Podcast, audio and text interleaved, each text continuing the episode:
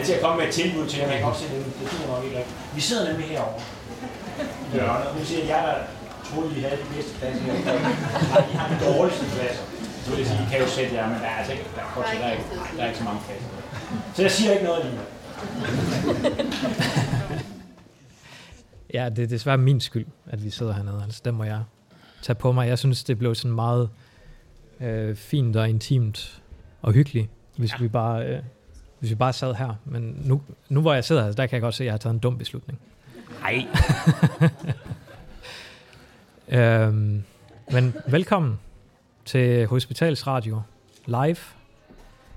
Øhm, jeg har talt før med Peter, men øh, jeg tvivler på, at det er alle sammen, der har, der har lyttet til det.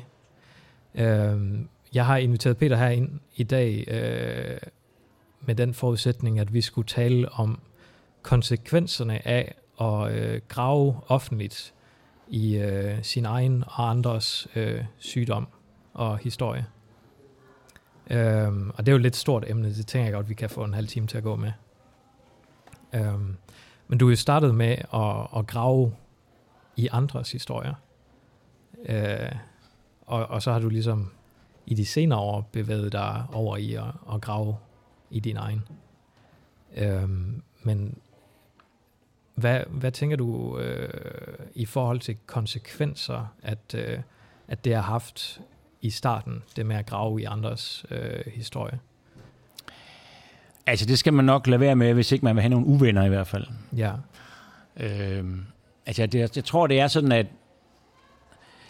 at hvis, så snart man begynder at beskæftige sig med, med emner, der er vigtige, mm. øh, så betyder det jo også, at de mennesker, der er involveret, at for dem er det vigtigt, og det er måske endda eksistentielt vigtigt. Og så er der jo det fænomen, som jeg har opdaget de sidste 20 år ved at skrive dokumentariske bøger, at vores erindring er en fiktion. Altså jeg har opdaget, at mennesker, de mennesker, de, vi kan alle sammen lave vores egen erindring om til noget, der klæder vores identitet lidt pænere. Øh, og det tror man selvfølgelig, at det er altid de andre, der gør det, men det gør vi så alle sammen. Jeg har også opdaget, at jeg selv gør det.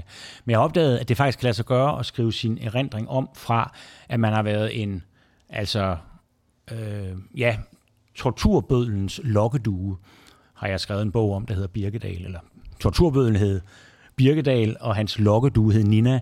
Og Nina havde lavet sin historie om fra at være torturbødlens lokkedue til at være forfulgt frihedskæmper. Altså hun har simpelthen lavet sin, mm. sin fortid om fra sort, nej, ja, fra sort til hvid. Og hun troede selv på sin historie. Bare for lige at sige, at det, I tror, I kan huske, kan lige så godt være noget, I har digtet. Men det tror vi ikke, fordi vi kan jo huske det. Man kan jo huske det, man kan se det for sig, som folk siger. Og det opdagede jeg jo, fordi at nogle gange, når jeg talte med flere forskellige mennesker, der havde oplevet den samme begivenhed, så fortalte de to diametralt modsatte versioner af den begivenhed. Og så bliver de sure på en, eller de bliver sure på mig, øh, når jeg fortæller, at der er nogen, der har oplevet det anderledes. Og så siger de, jamen hør nu her, jeg var der jo. Jeg kan huske, det var sådan, det var. Og så siger jeg, jamen øh, Lise var der også, og hun kan også huske, hvordan det var, og det er det modsatte af dig. Jamen stoler du ikke på mig? Øh, så selv højt begavede mennesker, veluddannede mennesker, mennesker med stor selvindsigt, de tror fuldt, vi tror fuldt og fast på vores egen erindring. Og så må det jo være de andre, der tager fejl. Og hvis I, I behøver ikke tænke jer ret meget om, så kan I huske, hvor tit I har diskuteret med jeres kæreste, eller mor, mm. eller ven. Ej, det sagde jeg da ikke. Jamen, det sagde du da. Ikke? Den, den type diskussion. Jeg kunne godt tænke mig at, at gribe fat i mor der, fordi det tænker jeg fører os lidt videre, at du gik i gang med at skrive en, en bog om din mor. Ja. Øh, og det endte med at blive lige så meget en bog om dig selv. Ja. Øhm, og din mor var der jo ikke til at, at modsige historien, dengang du gik i gang med at skrive den. Øhm, hvor meget stolede du på din egen erindring? Ja, den stolede jeg så ikke ret meget på. Øhm, så jeg ventede for det første til min mor var død. Altså, jeg fik ideen til at skrive en bog om hende, otte timer efter hun var død. Øh, og den holdt jeg så fast i, og der var min idé ikke at skrive en erindringsbog om min egen mor, men at lave en hardcore dokumentarisk bog om min egen mor, hvor jeg snakkede med alle dem, der havde kendt hende. Og så gik jeg i alle de arkiver, jeg kunne. Lægejournaler, plejehjemsjournaler, psykiatriske journaler. Og så gjorde jeg ligesom jeg plejer. Altså så skrev jeg en bog. Nu var det så bare om et almindeligt menneske i et parcelhus i en forstad til Aarhus. I stedet for en bankrøver eller en torturbødel. Øh, så det var egentlig mit udgangspunkt, at det skulle være køligt og, og nøgternt, som det plejede at være. Ja. Øh, så var problemet bare, at jeg så kom til at læse min mors journal, og så blev jeg sindssyg. Øh, meget kort sagt, ikke? Altså at, ja. at det at grave ned, så der er vi så hen med emnet, tror jeg, her ja. nu. Jeg beklager, hvis jeg fortabte er... mig det der med erindring, som jeg er meget optaget af. Ja. Øh, så sad jeg en dag og læste, efter at have slået et stykke tid for at få lov til at se min mors psykiatriske journal. Så sad jeg og læste den, og så røg jeg ned i et sort hul. Og bagefter synes jeg, at jeg kunne se, at det var indledningen på en lang øh, og meget dyb og alvorlig depression, der endte med indlæggelse på den lukkede afdeling på Rigshospitalet og syv elektroshock og et år, hvor jeg sådan set var, var ude af, af spil. Så, så, så, så det med at grave sin fortid øh, kan have alvorlige konsekvenser. Mm. Og i andres fortid. Også. Og det var så sådan set min mors fortid, ja. men, men og jo også lidt min egen, fordi ja. hun begyndte at blive indlagt på psykiatrisk hospital, da jeg var 3-4 år.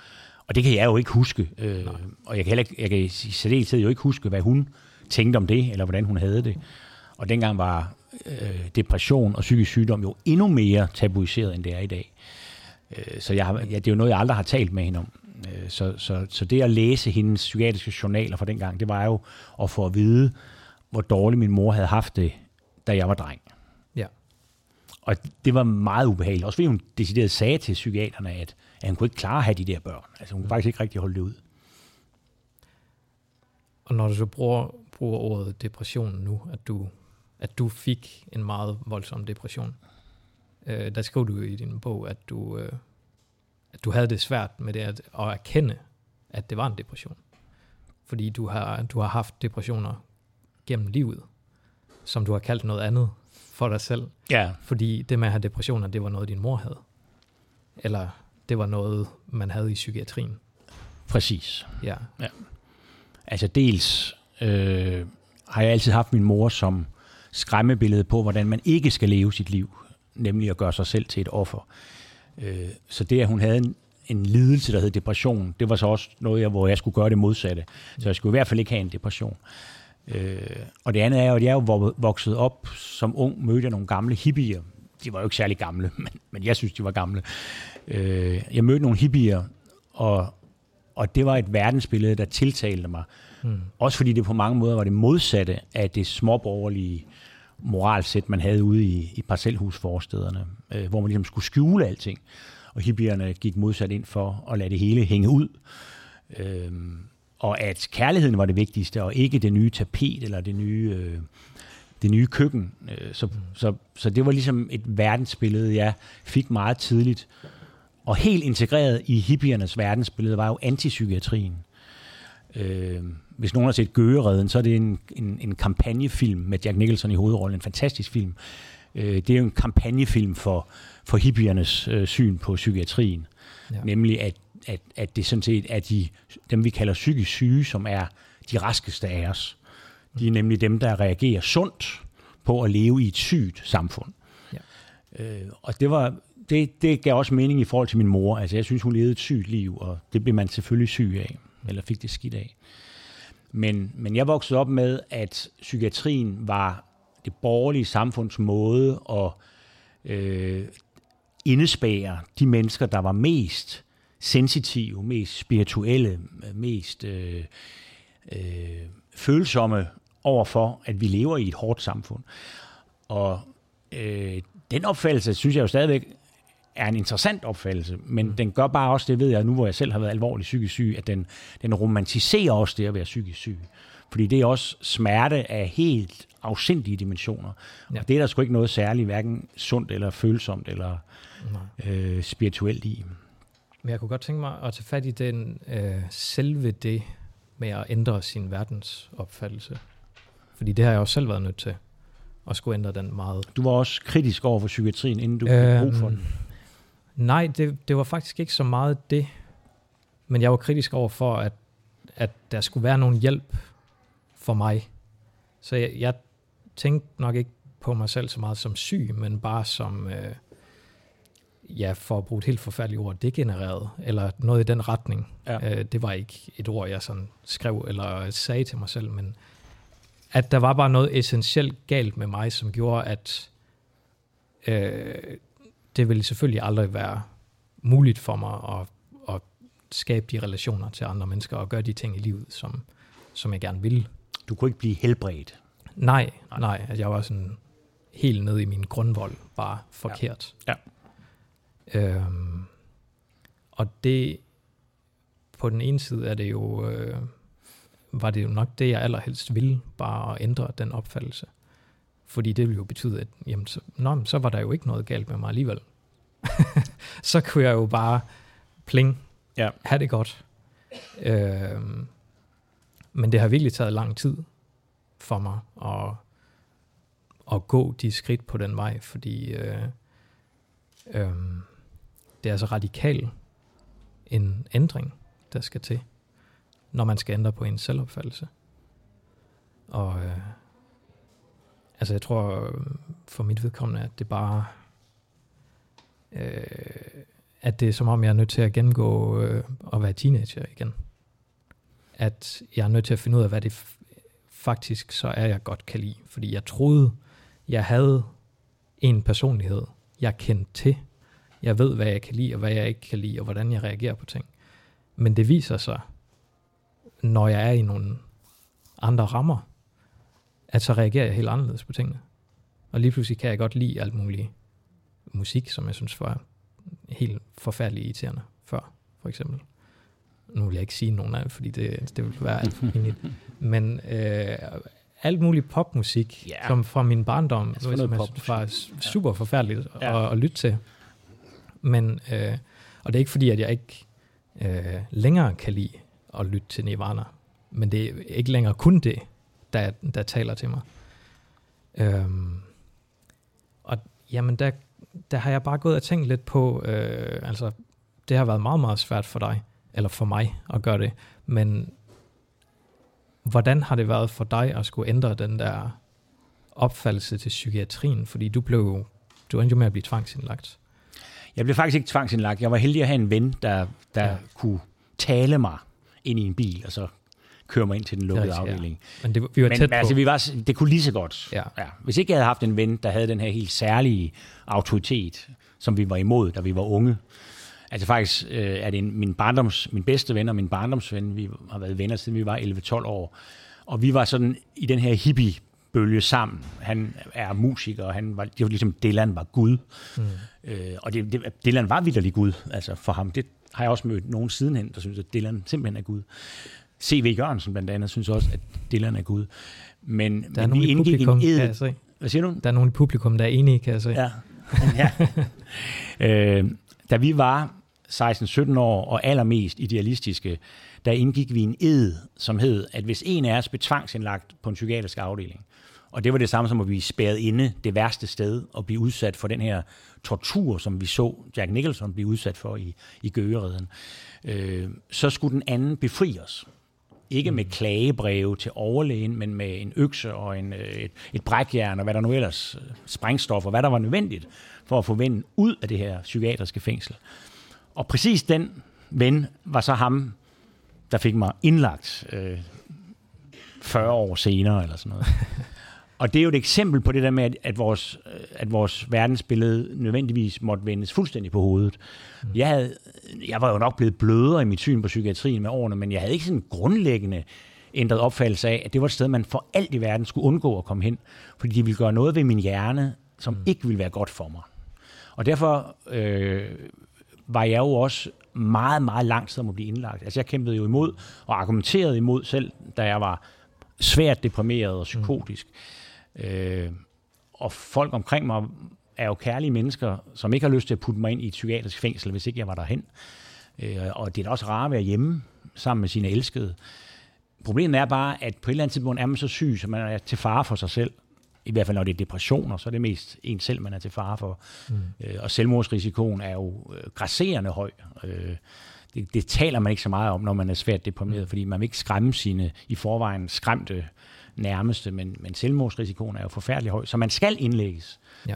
Øh, og det ved jeg i dag, men det vidste jeg jo ikke dengang, så der gik nok to-tre måneder for længe, øh, mm. inden jeg blev indlagt. Øh, jeg overlevede heldigvis øh, de måneder der.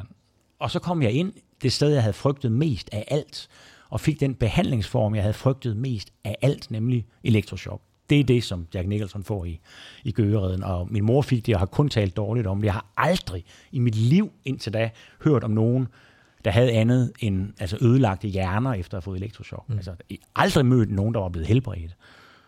Og så blev jeg helbredt. Altså på no time med elektroshock. Mm. Og det var en følelse af total mirakel. Og så, ja. så siden da har jeg arbejdet på at finde ud af, hvad fanden jeg skal mene om psykiatri. Ja. jeg ved heller ikke øh, stadigvæk, hvad jeg, Nej. hvad jeg mener om det. Jeg har lige øh, lavet et lille værk her, en lille øvelse i dag, hvor folk de skulle få lov til at skrive journaler om andre mennesker. Og øh, jeg har fået at vide mange gange, at det var meget grænseoverskridende at gøre det. Men, men det er jo altså det, du bliver udsat for, når du sidder i, i stolen foran psykiateren. Ja. Altså bliver, bliver du potentielt bedømt på alt. Alt, hvad du siger og gør. Ja. Øhm, og den, jeg tror, jeg kan, jeg kan se nogle steder, at jeg har taget det blik til mig. Det der sygeliggørende blik, som jeg kalder det. At øhm, jeg begynder at tvivle på, på alt, hvad jeg gør, om det nu er sygt. Øhm, jeg begynder at...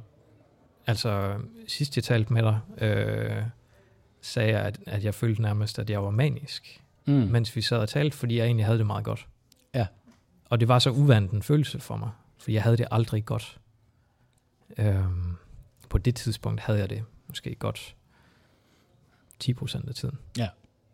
Øhm, men nu har det vendt sig lidt om, så nu kan jeg mærke, når jeg faktisk har det dårligt, at der, at der er en forskel der. Der, ja. er, der, er, der er noget, og der er en normal.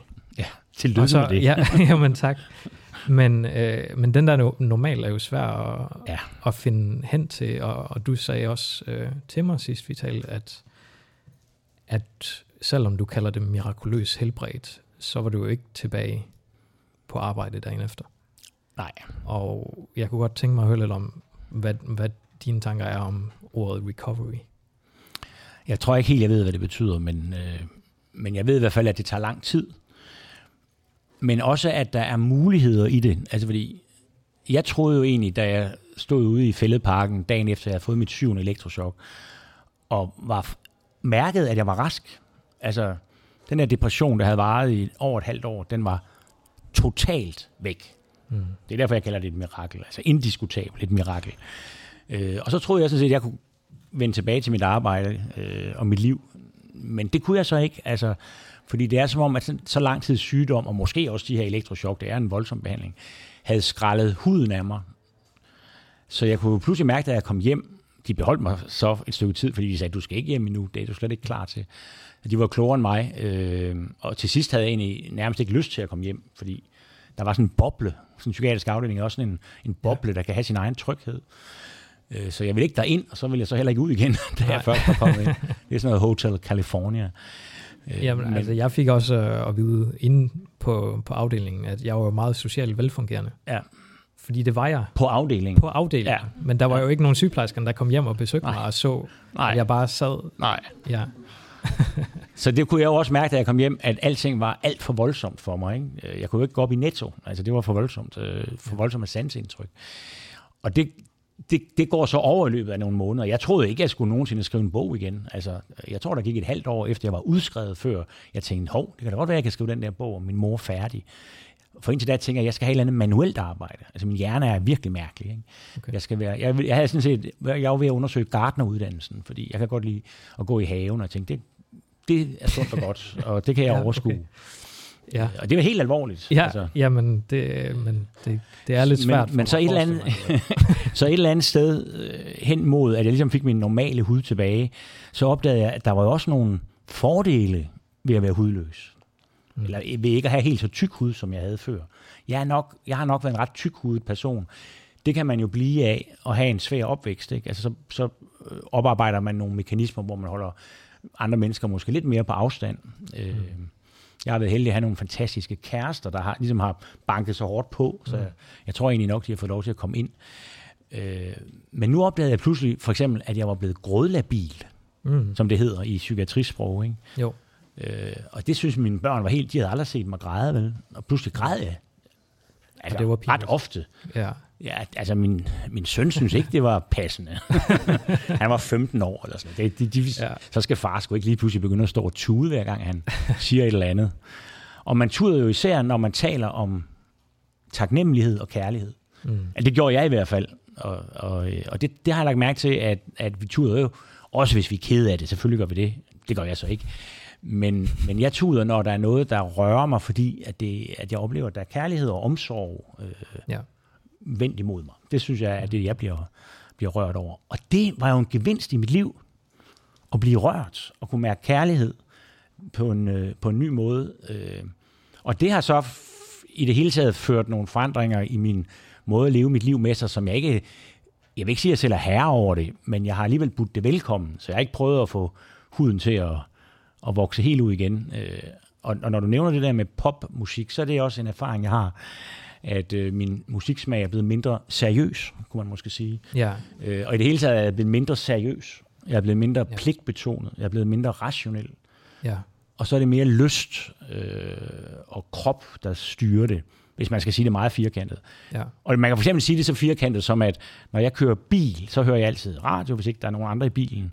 Og, og før jeg var syg, der hørte jeg P1.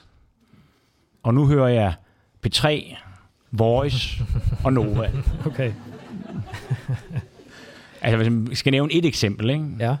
Og, og, og, og jeg vil helst ikke tale om, hvordan det er med boglæsning i forhold til tidligere, men det går heller ikke så godt. Okay. Øh, men, men det er alt sammen øh, egentlig noget, jeg er vældig godt tilfreds med. Ja. Så, så, så de eftervirkninger, der kan være af at have været alvorligt psykisk syg, mm. øh, kan også være positive. Ja, al- jamen det kan de. Øh, altså jeg Altså forudsat, at man bliver rask, altså at, at man er nået hen til et efter. Altså. Ja, det er også svært med ordet rask. Hvor fanden er man det? Ja, jamen det er også øh, virkelig svært det, det med ordet rask. Det er meget i tvivl om. Ja. Øh, men altså, jeg prøver det i, i, i små doser hele tiden. For eksempel har jeg taget det her jakkesæt på i dag. Som Jamen, jeg synes, det er skideflot. tak. Der var en af mine venner, der gav mig det. Og øh, altså, han insisterede på, at det skulle jeg have. Han sidder her i publikum også i dag. Men, øh, han kunne ikke selv passe det, eller hvad? Nej, men det passede mig perfekt, ja, og det, det, det var det en genbrugsforretning ah, okay. i Lillehammer. Det var altså meget tilfældigt, at det lige var der. Ja. Øh, men altså, jeg havde ikke lyst til at tage imod det, fordi jeg vil ikke have et jakkesæt på. Jeg synes, det er latterligt. Ja. Øh, jeg tror stadig, jeg synes, det er lidt latterligt. Men det er også lidt... Altså, det også ser latterligt helt på naturligt ud på dig. Er det ikke rigtigt? Jamen, det... Fuldstændig. Ja. Fordi ellers plejer jeg altid bare at have det samme på. Altså, jeg havde ligesom min uniform. Ja. Og det var ikke, fordi den var særlig spændende. Det er også den, jeg har på det meste af tiden. Ja. Men, men jeg tror, den der øh, lyst til at eksperimentere i virkeligheden, at det er et godt tegn at man ikke er låst fast i, jeg er sådan her, og jeg kan det her, og jeg vil det her. Ja. Øhm, men det er jo ikke, det, det er svært for mig at sige, hvor det kommer fra, det der, fordi det var ikke en viljesakt, Nej. jeg kunne tage. Men jeg tror alligevel, at du har sagt ja til muligheden af, at du kunne gå i den retning, ikke? Jo, fordi man kan godt holde så meget fast i sit selv, at jeg vil tænke, jeg kan ikke tillade mig at høre P3. Jeg skal ja. over på P1. Det kunne jeg faktisk godt have valgt ja. også. Ikke? Ja. Jeg, ligesom, jeg undrer mig over, at jeg pludselig hører popmusik i stedet for politiske analyser. Ikke? Jo. Øh, men altså, jeg synes også, den lille jeg, synes, jeg har hørt mange politiske analyser i, i hele mit liv, så nu kan ja. jeg godt høre lidt popmusik her til sidst. Jo. De sidste 30 år. Ja, jamen det, sådan tror jeg faktisk også, jeg har tænkt på mit liv, at det var ved at være slut. Altså, der var en gang, jeg... Øh, altså, det er jeg meget for sent med nu, men der var der en gang, jeg tænkte, jeg skal da ikke blive mere end 27 i hvert fald. Hvis jeg overhovedet bliver så gammel. Ja. Jeg nåede så aldrig at lave noget, der var lige, lige så godt som alle de andre, der døde, da de var Fra klub 27, ja. ja. Øh, så jeg var nødt til ligesom at blive ved og prøve at se, kan jeg ikke... Ja. øh, ja, nu er jeg så blevet 34. Ja. Øh, jeg har endnu ikke lavet noget, jeg synes, der er så godt, at, at så må du At bare, kan så må du vente med at tage livet af dig selv Ja. nogle år endnu. Men jeg synes, problemet er, at, at nu, øh, når det lykkes faktisk at lave noget, jeg godt kan lide, jamen, så har jeg slet ikke lyst til det længere. Nej. Jeg ved ikke, om jeg vil sige, det er et problem. Det er fint Nej. lige sagt, at det var måske lidt hurtigt. Men, men altså, det er så... Øh, det der med, hvornår man... Altså, hvad man selv bestemmer. Jeg har simpelthen prøvet så mange gange i mit liv at bare beslutte mig for, at nu skal jeg ned og træne. Nu skal jeg spise sundt. Nu skal jeg også sørge for at gå på universitetet og komme og skrive opgaverne. Og det kunne jeg bare ikke dengang. Altså nu er der en hel masse ting, jeg godt kan øhm, nærmest uanset om jeg har lyst eller ej. Mm. Men en hverdag, der bare fungerer, men, men det der med, hvornår man selv bestemmer, hvornår man gør noget, det synes jeg er virkelig, virkelig svært, fordi åbenbart kan jeg ikke engang selv bestemme, hvorfor noget musik, jeg godt kan lide. Eller hvornår. Nej, altså, jeg synes jo egentlig, de ligger jo i forlængelse af hippie-traditionen og gøre, hvad man har lyst til. Og de troede jo på, at hvis alle gjorde, hvad de havde lyst til, det kan jeg huske, når jeg var til koncerter med Knacks, da jeg var ung, mm. og vi stod og dansede i sådan nogle ringe. Jeg ved ikke, om de I er ikke så gamle herinde, så det, her, det kan I ikke huske. Vi, man dansede i ring foran scenen, og Knacks koncert, så holdt, holdt man sådan her, så håbede man, det var en dejlig pige, man fik til den ene side, så var, lavede man sådan nogle ringe, hvor man dansede rundt og hoppede. Mm. Øh, og så stod Peter A.G. op på scenen, og så sagde han altid, her i aften, der skal vi gøre lige, hvad vi har lyst til, så længe selvfølgelig vi ikke skader nogen andre. Og det Ja. var hippie, altså det var hippie-tankegangen i destillat.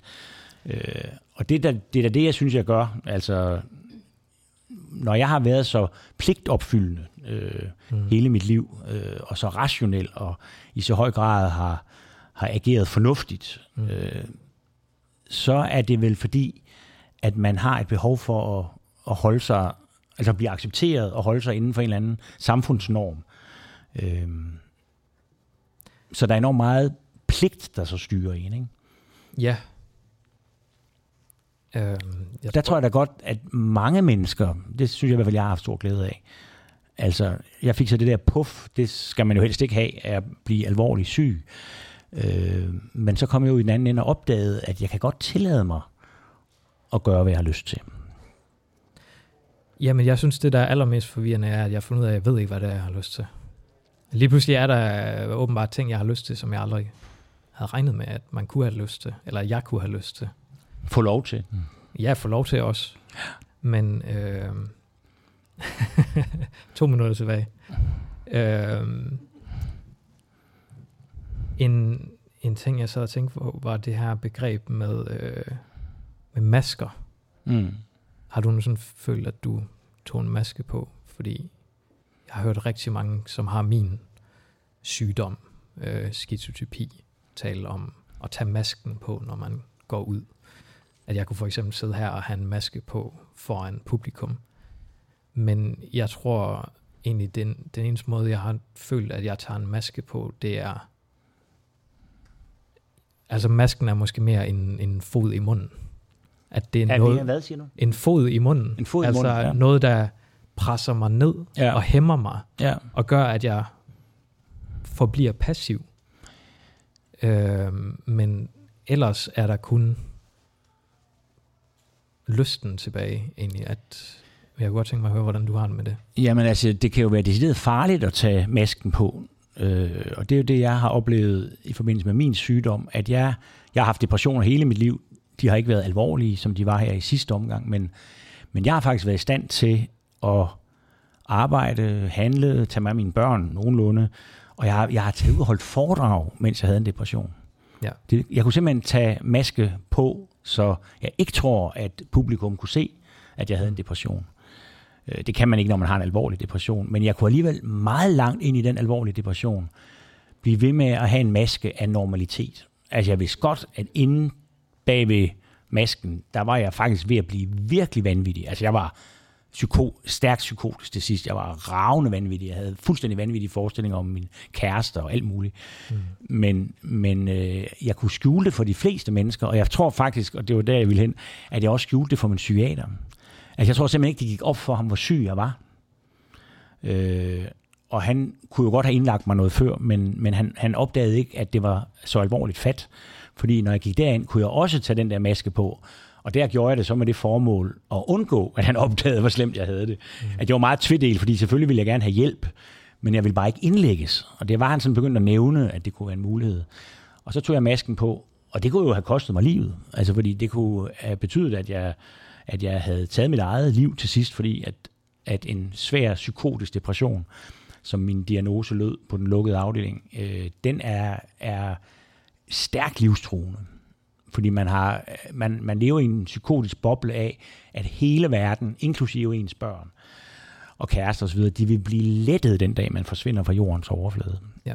Så det er ikke sådan, at man begår selvmord og ved, at nu bliver folk kede af det. Altså, fordi det kunne jo godt være en hindring for et selvmord. Altså, jeg har altid troet, at hvis man havde børn, så gik man skulle da ikke selvmord, vel? Det er der jo nogen, der gør. Og det er fordi, ved jeg nu, at de tror, at de hjælper deres nærmeste ved at tage livet af sig selv. Ja. Ja, hvor, hvordan kommer vi derhen? Ja, så derfor kan masken være livsfarlig, fordi hvis man beholder masken på under en svær depression, og, og man er i stand til at lade som om, at man har det bedre, end man har det. Man kan ikke skjule, hvor skidt man har det helt. Men man kan alligevel tage en maske på, der er lige, har det lige lidt bedre, end man har det i virkeligheden.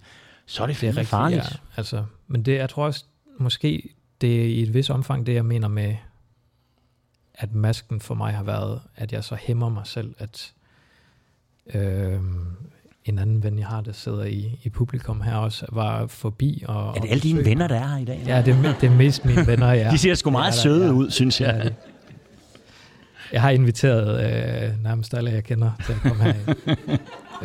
øh, og altså, der er øh, en af mine øh, venner herinde, som, som var forbi og besøgte mig. Øh,